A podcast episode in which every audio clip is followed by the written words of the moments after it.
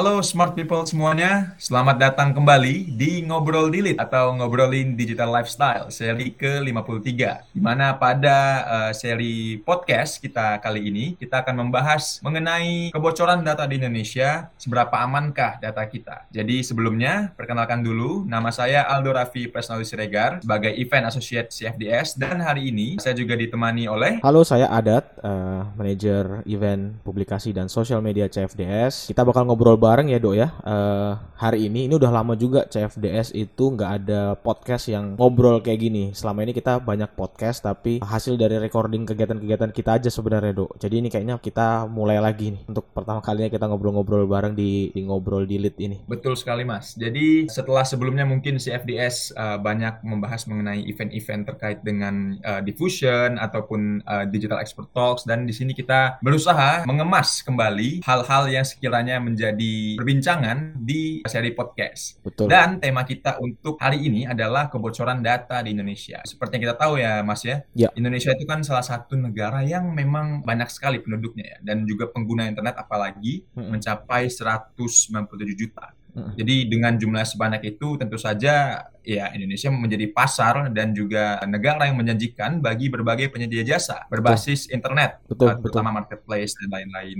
Jadi untuk membuat kehidupan kita pun menjadi lebih gampang, lebih mudah. Ya. Tapi Mas, ada satu hal mungkin ya yang menjadi isu yang belum terpecahkan, belum terselesaikan sampai sekarang, yaitu data pribadi, keamanannya. Keamanan dari data pribadi itu sendiri itu belum sepenuhnya aman, hmm, karena hmm, Indonesia ini juga dapat dikatakan sering ya Mas ya, ya uh, mengalami kebocoran data. Sebagai contoh ya Mas, pada kurun waktu 2020 sampai 2021 itu setidaknya sudah ada beberapa kasus yang sekiranya mencengangkan dan juga uh, melibatkan banyak sekali data. Sebagai contoh, pada bulan Mei 2020, Tokopedia sebagai marketplace salah satu marketplace terbesar di Indonesia mengalami kebocoran data yang melibatkan setidaknya 91 juta data pengguna dan juga 7 juta data merchant yang dijual senilai USD 5.000 atau 5.000 dolar di situs luar negeri. Ya. Dan juga kemudian Betul. di bulan yang sama, Mas, KPU, ya. Komisi Pemilihan Umum, juga membenarkan adanya kebocoran 2,3 juta daftar pemilih tetap atau DPT pemilu tahun 2014, hmm. yang data tersebut juga dijual di forum uh, luar Bebas. negeri seperti itu, Mas. Betul. Dan juga tidak berselang lama, Mas, Bukalapak juga mengalami kejadian serupa yaitu sekitar 13 juta data pengguna diklaim bocor dan dijual pada bulan Juni 2020. Iya. Sebulan setelahnya, perusahaan fintech uh, Credit Plus mengalami kebocoran data juga mas, itu sekitar 890 ribu uh, data mereka itu bocor, data pengguna mereka. Dan mungkin yang seperti Mas Adat uh, ketahui juga, dan smart people semuanya ketahui juga, ini sangat baru sekali, masih sangat baru. Pada bulan Juli 2021, data nasabah BNI Life diklaim bocor, di mana sekitar 2 juta data nasabah dan 400 ribu dokumen perusahaan dijual lagi-lagi uh, di forum internet seperti itu. Nah, mungkin kalau dari Mas Adat sendiri nih, kira-kira apa sih Mas yang menjadi alasan ini bisa terjadi dan juga kira-kira impact-nya bagi kita itu apa Mas sebagai uh, pemilik data pribadi itu sendiri? Iya, betul dok. Ini ini sebenarnya kalau kita dengar tadi ya dari awal, sebenarnya cukup memprihatinkan ya karena ini kejadian yang berulang ya dok ya, kejadian kebocoran data ini. Mungkin tadi sedikit diralat bukan BNI Live ya, tapi kalau nggak keliru BRI Live ya. Uh, oh yang, iya, yang oh iya mas, yang, mohon maaf BRI Live. Betul, BRI Live. Tapi kan ini kejadian yang lama dok ya. Maksudnya uh, kalau kita meruntut dari awal kemunculan Gojek aja kalau Aldo ingat mungkin di tahun 2015 atau 2016 gitu ya. Uh, betul, Gojek betul. juga mengalami kebocoran data. Bahkan ketika itu nama ibu kemudian beberapa alamat yang dituju terakhir oleh drivernya itu juga terbongkar. Sehingga hmm. ini adalah satu hal yang menurutku pribadi ini ini berulang, Dok. Jadi uh, sebenarnya harusnya pemerintah juga belajar ya banyak dari hal ini. Nah, kalau kita ngomongin soal apa sih sebenarnya yang impact apa yang yang yang yang masuk ke masyarakat gitu ya. Kalau misalnya kita obrolin soal hal ini, tentu aja banyak ya karena bayangin aja kalau misalnya nama ibu kita udah ketahuan tanggal lahir kita udah ketahuan, kemudian nomor HP kita juga udah bocor. Ini kan sangat terbuka lebar ya, Do ya. Eh, peluang untuk pembobolan nomor rekening atau status uh, kita di bank gitu ya. Karena yang biasa dimintain data-datanya adalah data-data itu ya. Bisa kebayang kalau misalnya setidaknya ini paling minim ya dok ya yang terjadi di masyarakat impactnya adalah ketika nomor induk kependudukan kita diketahui kemudian nomor kakak kita diketahui itu bisa dipakai buat daftar nomor HP baru ya. Kalau misalnya ada ingat dulu ada regis ada regulasi kominfo yang mengharuskan dan sampai sekarang kalau kita mau pakai nomor HP gitu ya yang baru kita kan harus registrasi nomor kakak dan juga nomor NIK ya atau nomor induk hmm, kependudukan iya, ya. at betul, least betul. kebocoran datanya di situ aja. Dan itu sudah sangat merugikan kita kan tentunya karena bisa jadi ketika kita pengen pakai nomor baru nomornya nggak kepake atau ketika misalnya eh, pihak yang berwenang menggunakan atau mencari nomor yang jangan-jangan nomor itu dipakai untuk kejahatan dok misalnya dipakai untuk penipuan dipakai untuk misalnya transaksi eh, narkoba atau apa pun nah itu kan jadinya yang dicari kan yang didaftarkan namanya di situ paling tidak ya di awal tapi Betul, meskipun mas, meskipun itu tidak real dan uh, menurutku pribadi ini ini sangat sangat merugikan. Itu itu yang paling rendah loh, Dok. Masih yang paling rendah itu impact ke masyarakatnya. Nomor HP-nya uh, atau jatah untuk NIK dan N, nomor kakaknya dipakai. Itu kan sangat simpel dan ini uh, dengan data KPU yang terakhir aja misalnya yang kemarin juga bocor uh, itu juga tercantum NIK dengan nomor kakaknya secara jelas dan terang Meskipun itu tahun 2014, tapi NIK dan nomor kakak kan setahu ku pribadi nggak berubah banyak ya, nggak nggak berubah mungkin kalau kita nggak pindah. NIK mungkin nggak berubah, tapi kalau N, nomor kakak mungkin berubah ketika kita pindah provinsi gitu. Sehingga Betul, impact itu aja udah membuat menurutku udah membuat uh, apa namanya? Kita sangat dirugikan kalau ini data bocor dan kita nggak bisa nyalain siapa-siapa dok. Ini yang paling bahaya. Kalau kita uang kita hilang di bank, kita bisa tuntut ke banknya kalau data kita bocor kayak gini, kita mau nuntut siapa? Kan nggak ada regulasinya gitu. Mungkin Aldo juga pernah ngalamin kali satu sisi. Uh, saya sendiri uh, pernah mengalami uh, apa namanya kebocoran data ini di, nomornya dijadiin apa itu namanya uh, nomor kontak pinjaman online orang lain dan ini kita yang kena teror padahal kita padahal nomor kita nomor HP kita itu ya kita share kan ke teman-teman aja ya nggak pernah ke oh. yang luar ketika data itu iya. bocor kita dijadikan jaminan nomor kita dijadikan jaminan oleh orang yang nggak kita kenal bahkan jadi dituntut oleh pinjaman online tolong ini orang ini e, mengutang kepada pihak ini nomor nomorku yang dipakai sehingga e, ini apa? Maksudnya dari mana dia dapat nomor HP kita gitu. Ini kan juga salah satu bentuk impact yang real ya di masyarakat. Karena kalau kalau misalnya kita ngomongin apa sih impact besarnya, menurutku kita harus bahas dari impact yang paling kecil. Kalau itu aja udah mengganggu, tentu saja eh, ke depannya seluruh impact dari kebocoran data ini akan mengganggu gitu, Dok. Jadi eh, aku nggak tahu Aldo mungkin punya pengalaman juga soal kebocoran data ini entah dari teman atau dari keluarga mungkin yang terkait dengan hal-hal seperti itu mungkin juga bisa Betul Mas, kalau ceritakan. kalau dari Aldo sendiri juga mungkin uh, cerita dari teman ya Mas ya. Mm-hmm. Itu juga dia tiba-tiba uh, nomornya uh, sering di chat uh, nomor tak dikenal gitu kan Mas. Betul. Dan ternyata tadi mungkin serupa dengan Mas Adat. Jadi mungkin nomor dia ini digunakan untuk um, hal-hal yang sekiranya dia memang tidak ketahui dan itu kan juga menjadi bahaya ya Mas ya. Mm-hmm.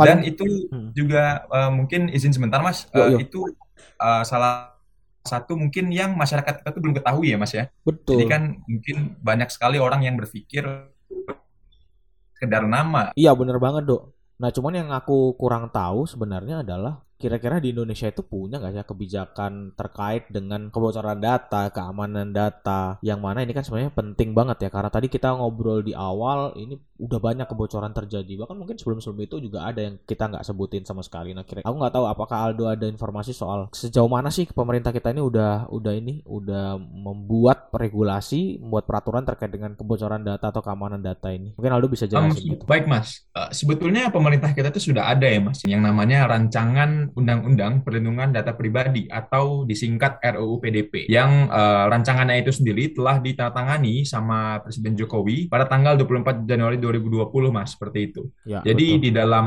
RUU PDP ini uh, ada 72 pasal dan juga 15 bab dan memang sangat dibutuhkan ya Mas ya di Indonesia. Terlebih hmm. lagi kita lihat sangat banyak sekali kasus kasus kebocoran data dan RUU ini sendiri bersifat spesifik gitu ya Mas ya melindungi data baik yang bersifat umum seperti uh, nama lengkap kita, jenis ya. kelamin, kewarganegaraan, okay. ataupun yang bersifat uh, lebih spesifik ya seperti rekam medis, data keuangan kita uh, biometrik, genetik dan lain-lain. Ya, ya. Dan juga sebetulnya Mas, walaupun sudah ditandatangani oleh Presiden pada tanggal 24 Januari tadi dan diharapkan untuk selesai pada bulan Oktober 2020, namun hmm. pada kenyataannya memang uh, masih belum ada ya Mas ya follow up ataupun uh, kejelasan dari RUU ini hingga sekarang seperti itu. Ya. Dan kalau untuk yang masih berlaku ya Mas seperti itu, itu kita mungkin ada bisa merujuk ke UU ITE, Mas. Walaupun memang uh, sangat terbatas ya yang uh, membahas mengenai data pribadi, tapi ya. setidaknya ada di pasal 26, Mas. Kalau nggak oh, salah ya? itu pasal 26. Oh, di ada, Mas. Ada, UU ITE ada ya. Iya, di UU ITE itu pasal 26 ayat okay. 1 dan 2 itu um, dia menyatakan kalau uh, pemindah tanganan uh, data pribadi seperti itu ya, Mas ya, harus hmm. mendapatkan izin dari pemilik data. Mm-hmm. Dan apabila data pribadi tersebut uh, dipindah tangankan secara sewenang-wenang atau tanpa sepengetahuan pemilik datanya, yeah. maka pemilik data tersebut bisa mengajukan gugatan ke pengadilan seperti itu, Mas. Tapi lagi-lagi yang jadi masalahnya, Mas, di UITE mungkin birokrasi dan juga beberapa tantangan dan juga halangan seperti itu ya, Mas, ya untuk bisa menggugat uh, kasus ini membuat akhirnya beberapa orang yang mengalami kebocoran data itu juga enggan gitu, Mas. Malas ya tadi kan iya karena, karena udah ya. malas duluan mungkin mas iya mungkin iya, mereka mikir bakal bakal ribet bakal Betul. nanti banyak lagi halangan-halangan lain ya udahlah hmm. jadi mungkin okay. ya jadi seperti itu mas iya berarti uh, memang itu sendiri iya ya, mas? berarti kita memang ini ya berarti memang kita memang udah punya ya uh, apa namanya ya, betul, betul. Uh, regulasi. Tapi uh, sebenarnya kenapa ya? Maksudnya nggak uh, disegerakan gitu. Bukan karena kan ini ini kan kita bisa sebenarnya bikin regulasi seperti ini kan kita bisa berkaca dari negara lain ya. Mungkin lalu juga bisa cerita nih terkait dengan hmm. negara lain atau aturan di luar yang seperti itu. Aku nggak tahu kenapa di Indonesia bisa bisa lama gitu dalam proses ini. Entah karena betulan di dipikirkan secara matang gitu ya atau memang ada proses-proses politik yang memang belum selesai. Tapi harusnya betul. negara lain kita bisa kita kan sering benchmarking negara lain ya dari bentuk apa pun ya kebijakan misalnya katanya cipta tenaga kerja yang kemarin itu kita mengadopsi dari beberapa negara kemudian kebijakan-kebijakan kita di bidang pariwisata juga mengadopsi. Tapi kenapa kita belum dok? Apakah agak ada nih? Apakah jangan-jangan memang di luar negeri juga belum ada terkait dengan keamanan data? Atau ada tapi mungkin gimana kira-kira? Aldo punya cerita nggak soal uh, kebijakan kebijakan di luar negeri terkait hal ini? Kalau untuk di luar negeri ya Mas ya, mungkin uh, saat ini yang paling established itu kita bisa merujuk ke GDPR Mas, yang berlaku di Uni Eropa atau okay. General Data Protection Regulation seperti itu ya Mas ya. ya, ya, ya Jadi dengar. ini memang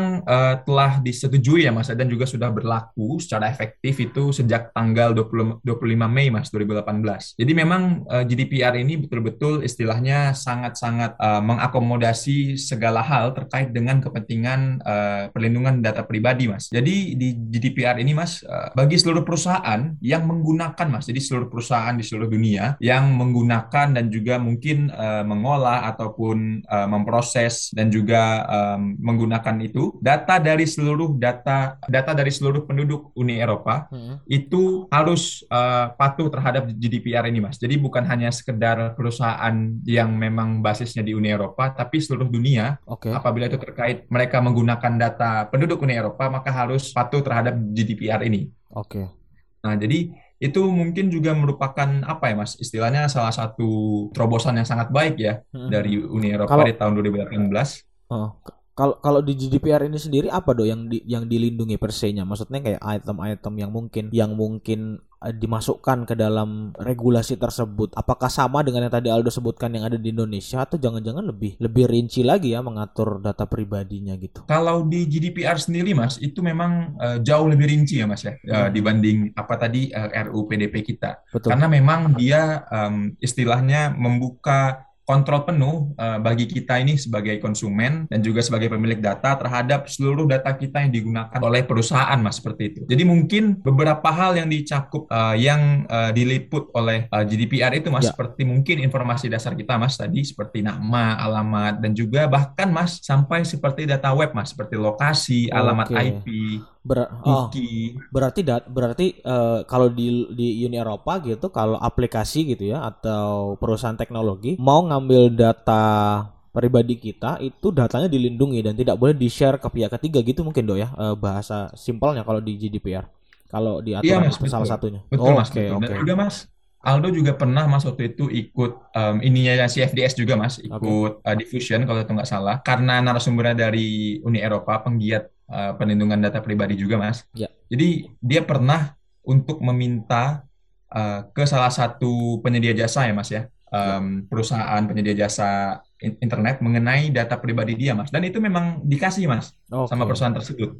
Jadi uh, karena dia berbicara uh, ini di bawah aturan GDPR seharusnya kan saya bisa meminta data pribadi saya gini gini gini ini digunakan untuk apa apa keperluannya dan itu memang dikasih mas oh, gitu oleh ya. perusahaan tersebut berarti memang sebagai bentuk uh, compliance mungkin ya mas ya. Sebagai bentuk compliance ke iya. GDPR itu.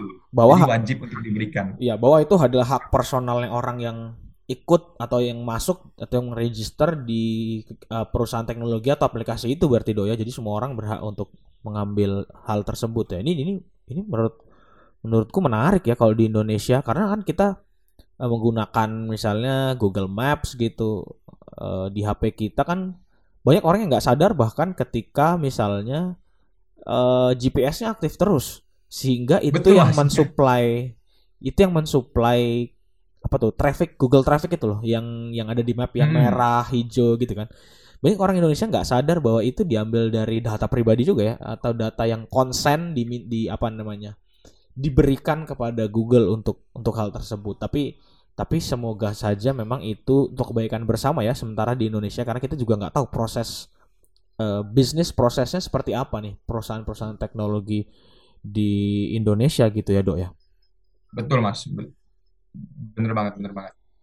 Nah dok kalau misalnya ngomongin soal kebijakan uh, di Indonesia tadi uh, apa namanya berarti kita punya potensi sebenarnya untuk menjadi sebuah negara yang punya apa ya uh, keamanan data yang cukup baik ya salah satunya uh, di di dunia karena menurut uh, hmm. menurutku pribadi kalau kita ngelihat atau tadi yang ada sebutin data rekam medis dilindungi, data uh, kependudukan dilindungi, data macam-macam lah ya, uh, bahkan sampai Betul. sampai geo, biometrik dan genetik tadi juga sempat disebutkan. Ini berarti sebenarnya kalau ini digolkan tinggal sekali lagi di Indonesia ini kan yang jadi persoalan tuh kalau misalnya kita udah buat undang-undang pelaksanaannya kan dok? Berarti yang harus diperbaiki gitu.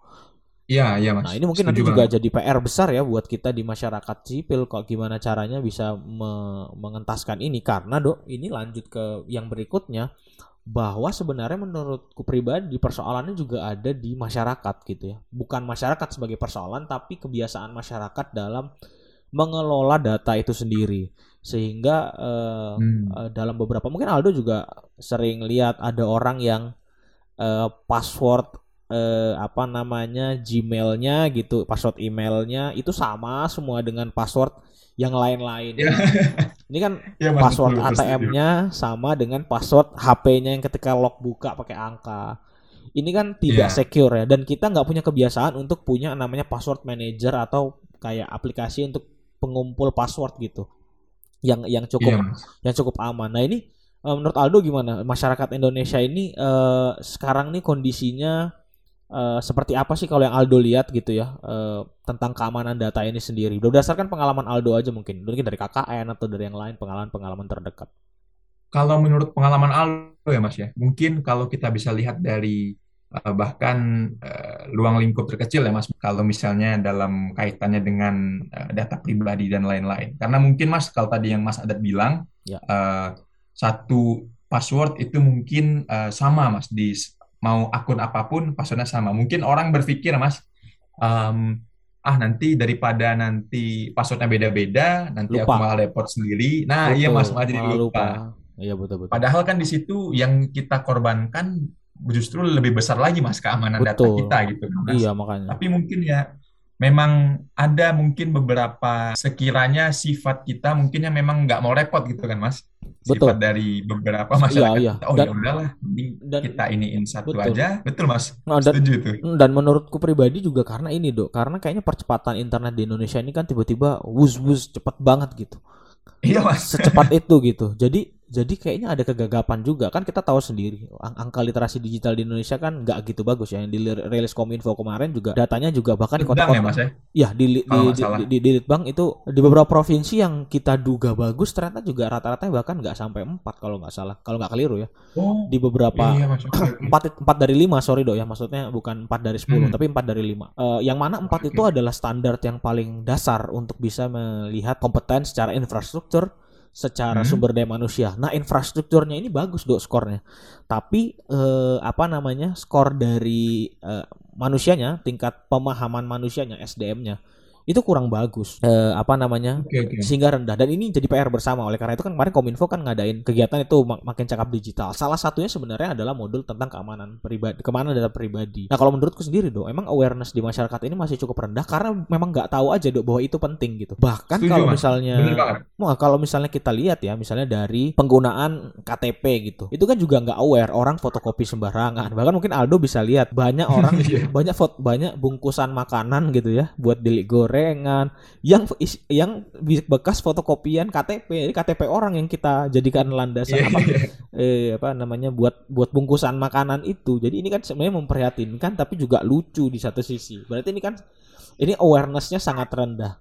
Harusnya udah nggak perlu lah kita fotokopi-fotokopi KTP dan lain-lain itu sehingga hmm. kalau misalnya kita berbicara soal literasi digital ini proses panjang ya tentunya untuk hal ini. Mungkin mungkin kalau yang butuh kalau ada beberapa aplikasi kalau ada beberapa uh, perusahaan teknologi yang minta persyaratan untuk foto KTP nah itu mungkin ya, salah satu contohnya do ya yang mungkin aku tahu adalah dikasih watermark ketika kita ngirimin sehingga ketika ada kebocoran data terkait dengan hmm. uh, pengiriman KTP, selfie dan lain-lain, kita bisa tahu dari mana kita mengirimkan. Jadi misalnya kita ada yang mengirimkan di perusahaan X Kemudian kita kasih aja perusahaan X tanggal 21 eh, Juli misalnya 2021. Nah, ketika data itu oh. bocor, ketika foto itu bocor, kita iya, bisa tahu bahwa oh dari ini yang bocorin. Kita bisa nuntut gitu. Kalau misalnya kita sama ratakan semua hmm. fotonya, kita juga kehilangan kontrol soal itu. Ini sebenarnya ini sebenarnya tips ya mungkin yang paling minim di masyarakat kita gitu. Dan ini dan dan persoalan ini dok keamanan data, kebocoran data ini ini tuh bukan bukan persoalan tinggi rendah tingkat pendidikan ya. Kalau menurutku hmm. ini ini persoalan yang semua orang bisa mengalaminya gitu. Bahkan kita lihat orang yang punya duit banyak aja di bank itu bisa mengalami kebocoran data. Orang yang punya punya ya, pendidikan mas. S3 gitu bisa aja kena kebocoran data dan lain-lain.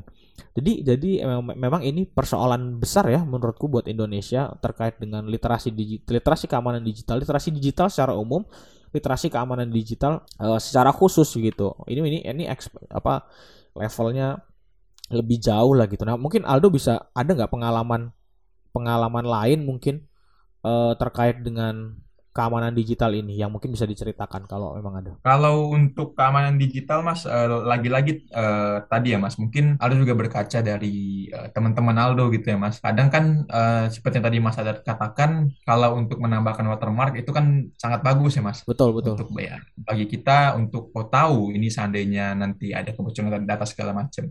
Tapi Mas lagi-lagi kembali ke poin yang pertama tadi, Mas mungkin kan untuk kita menambahkan watermark itu kan butuh effort ya mas ya. Kadang kita harus buka aplikasi Betul, atau iya. itu harus itu persoalan ini. baru lagi ya malah ya. Iya, harus mas. bisa ngedit ya soalnya. Iya, iya, iya, iya betul nah, juga. nah dan itu mungkin yang jadi apa ya mas? Bahkan di teman-teman Aldo sendiri pun uh, banyak juga gitu kan mas ya. Misalnya kalau ada keperluan-keperluan seperti itu bahkan minta, tolong ke orang gitu mas. Ya, eh, ya, minta ya. tolong dong ya. Editin fotoku editin KTP editin apa gitu. Nah itu kan jadi karena orang lagi-lagi masih sifatnya tidak mau repot, ya justru di, di satu sisi mereka mungkin kebanyakan tidak tahu mas apa sekiranya ancaman yang ada di balik itu gitu mas. Iya betul. Ini ini malah menimbulkan persoalan baru lagi ya kalau misalnya kita pakai watermark. At least ya mungkin teman-teman yang bisa yang melakukannya kita bisa menggunakan itu.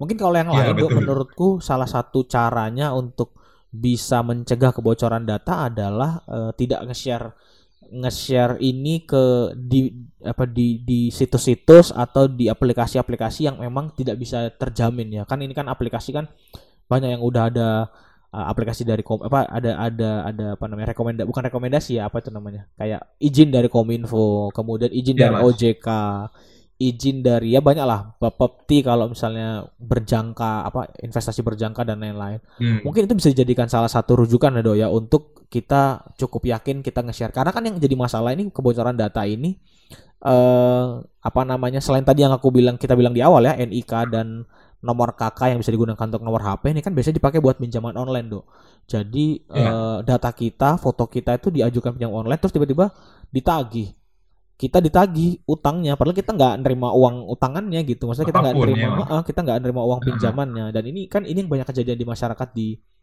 di masyarakat kita gitu karena mereka nggak tahu bahwa ini aplikasi resmi mungkin salah satu uh, usulanku juga atau tips dari dariku mungkin ini do uh, pastikan bahwa aplikasi itu adalah aplikasi yang tidak yang diinstal dari eh, tempat-tempat uh, yang resmi. Jadi kalau misalnya di iya, Google yeah. dari Play Store gitu ya. Biasanya kalau hmm. dari Play Store tuh paling nggak ada kurasi beberapa bahwa ini aplikasi yang cukup aman. Yang kedua mungkin yeah, bisa mas. dari Apple Store tadi atau menggunakan iOS apa OS OS yang apa namanya yang emang ada di HP masing-masing yang resmi. Kemudian juga bisa dicek hmm. ya, dok terkait dengan uh, apakah ini sudah dapat izin kominfo atau belum aplikasi dan lain-lain. Ini mungkin nggak sesusah kita harus ngedit foto tadi ya, dok ya. Terkenal ya, ya, mas. Ini tinggal kita tinggal kita nyari di Google aja atau nyari di Yahoo atau di mana pun lah mesin pencarian gitu. Uh, nyari bahwa ini aplikasinya cukup trusted atau enggak. Nah ini yang mungkin uh, masyarakat kita sering luput dok untuk hal-hal ini hmm. sehingga uh, kayaknya kita perlu dorong lagi sebagai uh, sebagai sivitas akademika juga nih paling enggak ke orang-orang di rumah lah kalau misalnya ada hal-hal seperti itu jangan jangan langsung install, jangan langsung dikasih. Kalau ada yang minta di WhatsApp itu juga jangan langsung di di ini. Ini kan sebenarnya bentuk baru ya, Dok, yang menurutku kebocoran data ini iya, bentuk iya, baru dari uh, apa ya? transformasi digital gitu. Jadi yang bertransformasi hmm. bukan cuma teknologi dan semakin maju, tapi kejahatannya kebocorannya juga trans bertransformasi gitu caranya makin banyak dulu mungkin orang SMS aja dok SMS iya, kita mas. SMS SMS selamat anda mendapatkan hadiah atau mau minta pulsa lah dulu yang paling populer. Sekarang udah makin macam-macam lagi gitu. Uh, tipikal kebocoran data. Ini juga ini juga salah satu yang penting ya nomor HP kita tuh di-share ke pihak ketiga untuk SMS SMS gitu. Mungkin Aldo juga dapat SMS kayak gitu kali ya. SMS SMS oh. apa pinjaman online atau apalah selamat Anda menangkan Shopee atau menangkan Oh iya Mas, kalau yang selamat-selamat itu sering banget malah Mas. Iya, uh, uh. Itu kan selamat kan, atas nomor seri ini mendapatkan betul. uang segini. Wah, itu sering Mas. Iya, dan itu kan tumbuh bertumbuh subur ya. Logikanya kalau misalnya NIK dan nomor KK ini dilindungi do ya. Orang-orang kan nggak bisa nge-SMS-in kita dengan dengan identitas random kayak gitu ya, dengan nomor-nomor HP iya, random gitu. Ini aku juga aku juga uh, apa ada cerita sedikit mungkin dari India ya. Jadi India itu tahun 2008 mereka sama kayak kita dok kondisinya. Uh, yeah. mereka lagi lagi baru-barunya orang pakai HP sehingga hmm. mereka bisa bisa pakai HP satu orang banyak banget uh, nomor HP gitu. Terus tiba-tiba kalau Aldo pernah nonton Hotel Mumbai, uh, film ah, Hotel iya, mas, Mumbai, tahu, tahu. nah itu kan uh, ada seg ada segmen di mana dia uh, telepon menggunakan HP untuk uh, bom, kemudian menggunakan HP hmm. untuk uh, apa namanya komunikasi satu dengan yang lain. Ada itu kan ber, ber, ber apa serentak gitu ya kejadiannya.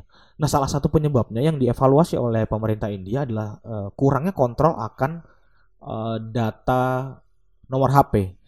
Jadi nomor hmm. HP itu bisa diakses semua orang dan bisa digunakan tanpa adanya mungkin registrasinya cuma dari dari nomor HP aja. Kemudian iya, setelahnya nah tahun 2015 tuh aku sempat dapat cerita juga sempat sempat main gitu ya dan mau mau beli nomor HP kayak di Indonesia gitu. Beli HP nomor HP dong di counter gitu. Ternyata nggak bisa bahkan di level di warung gitu kita mau beli nomornya tuh banyak tersedia.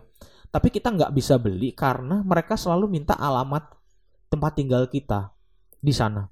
Jadi hmm. selain dengan nomor kependudukan atau nomor paspor kita diminta nomor yang nom ini kayak apa ya nomor referral gitu loh dok. Siapa yang bertanggung jawab ya, atas ya, kita di sana kalau kita kalau kita orang luar negeri. Jadi jadi kayak kayaknya di di Cina juga kayak gitu kalau nggak salah. Untuk mendaftar WeChat itu kita perlu ya. ada penanggung jawab nomor kita yang orang lokalnya sana gitu. Sehingga ketika ada apa-apa okay, okay. itu uh, ada yang tanggung jawab sama nomor ini gitu. Nah di India tuh setauku kayak gitu dok sekarang. Sehingga susah banget untuk bisa akses kalau bukan orang lokal ya. Susah banget iya, bisa akses nomor HP di sana. Karena karena butuh kayak penanggung jawab apa sih istilahnya kalau misalnya bahasa Inggrisnya itu kalau kalau penanggung jawab di sana istilahnya gitu. Jadi kita kalau ke sana kalau mau pakai nomor HP antara kita pakai agensi ya yeah. travel gitu yang bertanggung jawab atau kita pakai orang yang karena kita kenal di sana yang mau bertanggung jawab atas kita. Sehingga nanti kalau ada apa-apa yang dicari orangnya itu kamu dapat dari mana nih? Orang ini kok dia bisa menyalahgunakannya? gitu. Nah kayak gitu loh jadi ini mungkin juga oh. bisa jadi oh. cara buat pemerintah kita. Mungkin ini niatnya udah bagus pemerintah kita ya. iya mas. Dengan memunculkan nomor NIK, tapi pelaksanaannya sekali lagi belum bagus karena percuma iya, aja iya, iya, pakai iya. NIK dan nomor KK, tapi datanya bocor ke mana-mana. Jadi jadi kan iya, mas. semua orang bisa dapat ya. Semua bisa orang bisa dapat nomor di... KK, nomor NIK kita. Nah terutama do ini iya, mas, juga setuju. juga cerita sedikit di masa-masa pendaftaran CPNS ini nomor KK yeah. dan nomor NIK itu biasanya banyak banget tersebar di warnet-warnet uh, ketika aku masih kuliah dulu, ketika ya, sesi pendaftaran CPNS, itu aku menemukan satu warnet yang isinya uh, berkas form pendaftaran CPNS yang nggak di delete sama si uh, apa namanya sama warnetnya.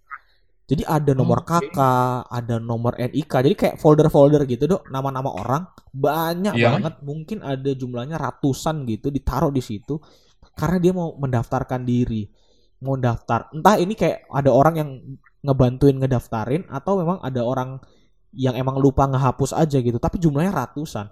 Bayangin aja ratusan itu emang. itu satu satu bilik ya.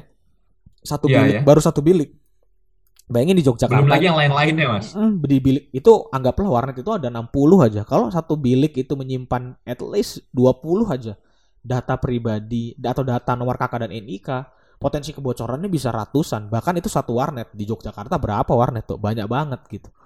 Ya jadi yeah, jadi yeah, menurutku yeah. Jadi menurutku uh, apa namanya apa orang uh, teman-teman juga ya di smart people semua itu harus aware terkait dengan bagaimana teman-teman menyimpan data di data di tempat publik terutama di komputer kampus, di komputer di komputer warnet gitu ya. Karena kan warnet kan ada beberapa yang uh, filenya ada tulisannya akan dihapus setelah ini ya akan dihapus setelah komputer dimatikan. Tapi ada juga yang ya, ada juga yang yang nggak dihapus karena ada yang yang yang stay di komputernya itu sehingga ini yang juga jadi perhatian. Karena itu karena masa-masa CPNS ini kan banyak tersebar ya do identitas nomor KK kan iya, itu mas. dipakai buat pendaftaran.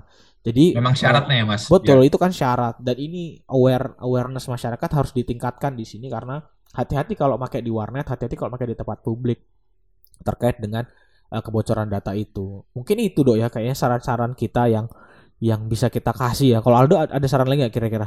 Tambahan lagi mungkin. Ini berdasarkan pengalamanku aja ya, dari berbagai negara seperti tadi aku cerita di India, di Cina juga. Mungkin mungkin mereka proteksinya kayak gitu ya. Mungkin Indonesia masih cukup lemah iya, terkait dengan nomor HP. Karena menurutku yang paling dekat sama masyarakat kita sekarang ya nomor HP gitu. Kalau iya, yang lain-lain iya, mungkin bener. agak nggak semuanya lah ya. Tadi Aldo kita bilang kalau pendaftaran pinjol pinjol mungkin nggak seberapa. Tapi kalau nomor HP ini kan ya kita pengguna HP kita mungkin pengguna smartphone kita 300 juta kali padahal penduduk kita nggak sampai 300 juta dok berarti satu orang iya, satu orang bisa pakai lebih dari satu kan satu ya ya uh, pasti setuju. hampir pastilah maksudnya ya itu tadi eh, yang aku sebut bahwa uh, ini ini beberapa tips mungkin beberapa beberapa cara juga ya do ya mungkin bi untuk teman-teman smart people semua setidaknya tahu bahwa potensi kebocoran data itu ya maksudnya kita nggak perlu menyalahkan pemerintah juga mm.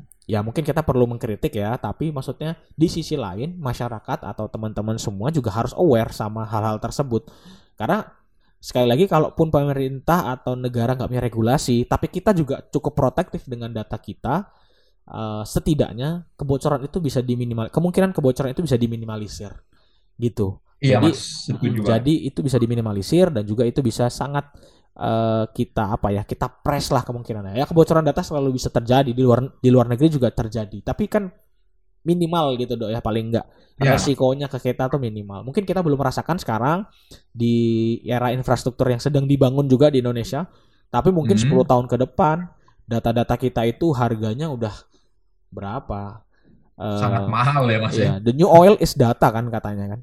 Uh, yes, yes, of course. Ini kan, ini kan, ini kan kita bicara masa depan aja. Jadi uh, ya kita kita educate teman-teman, kita bantu, kita kita kasih saran, tips seperti ini. Mungkin sering-sering dong kita kita ngobrol-ngobrolin soal ini supaya teman-teman juga bisa mendengar uh, ada ada cerita-cerita menarik di balik uh, kebocoran data ini atau bagaimana tips and triknya mm -hmm. buat menanggulanginya. Mungkin itu dok kalau dari kalau dari aku. Uh, mungkin Aldo mungkin kalau misalnya ada yang lain. Oke Mas, kalau tadi Aldo juga sangat setuju ya Mas ya dari pernyataan Mas Ada dan juga itu mungkin bagi smart people semuanya uh, itu memang sangat penting ya. Jadi mungkin Mas kalau dari Aldo adalah kita harus aware, kita harus tahu bahwa sekecil apa pun data kita itu sangat penting. Jadi uh, jangan uh, jangan kita kira misalnya oh ini kan hanya sekedar nama, hanya sekedar NIK, hanya sekedar nomor telepon. Apa sih mungkin dampaknya bagi kita? Itu sangat-sangat sangat penting gitu ya Mas. Sangat, sangat uh, berbahaya apabila bocor. Seperti itu ya Mas ya. Mungkin tadi juga uh, seperti yang dikatakan oleh Mas Adat, uh, kalau ya. lagi-lagi Mas, yang tadi di CPNS itu ya Mas ya, mungkin hmm. orang-orang tidak aware, tidak Betul. mengira, oke okay, mungkin seandainya ini tidak saya hapus, ya ya udah, ini kan nggak ada password saya, tidak ada ya, um, akun saya, ya ya udah, misalnya memang ini, ya orang misalnya mau iniin, ya paling orang nggak sampai ke situ kan mas pikirannya. Betul, emang betul. mau mau diapain sih gitu. Ah, nah mungkin itu yang smart people semuanya uh, harus aware. Kita harus sama-sama uh, menjaga data pribadi kita. Dan juga tadi um, seperti bagi teman-teman yang mungkin bisa untuk melakukan watermark atau tadi uh, lagi-lagi untuk bisa memastikan ya. uh, sumber-sumber dari aplikasi itu itu sangat penting ya uh, smart people semuanya. Jadi jangan apalagi mas kalau yang lihat itu mas yang paling sering itu ads mas ads oh, di internet. Betul. Itu kan banyak banget ya Mas, misalnya dengan kata-kata yang uh, sangat ya Menarik, promosinya ya. sangat bagus gitu. Menarik mas, hati untuk, gitu. Iya, untuk ya. mengajak orang mendownload dan padahal itu mungkin ya bisa jadi mungkin nggak semua ya Mas, tapi bisa jadi itu modus ya Mas. Betul. Modus untuk ya mengambil data pribadi kita tanpa kita ketahui untuk diapain sih gitu datanya.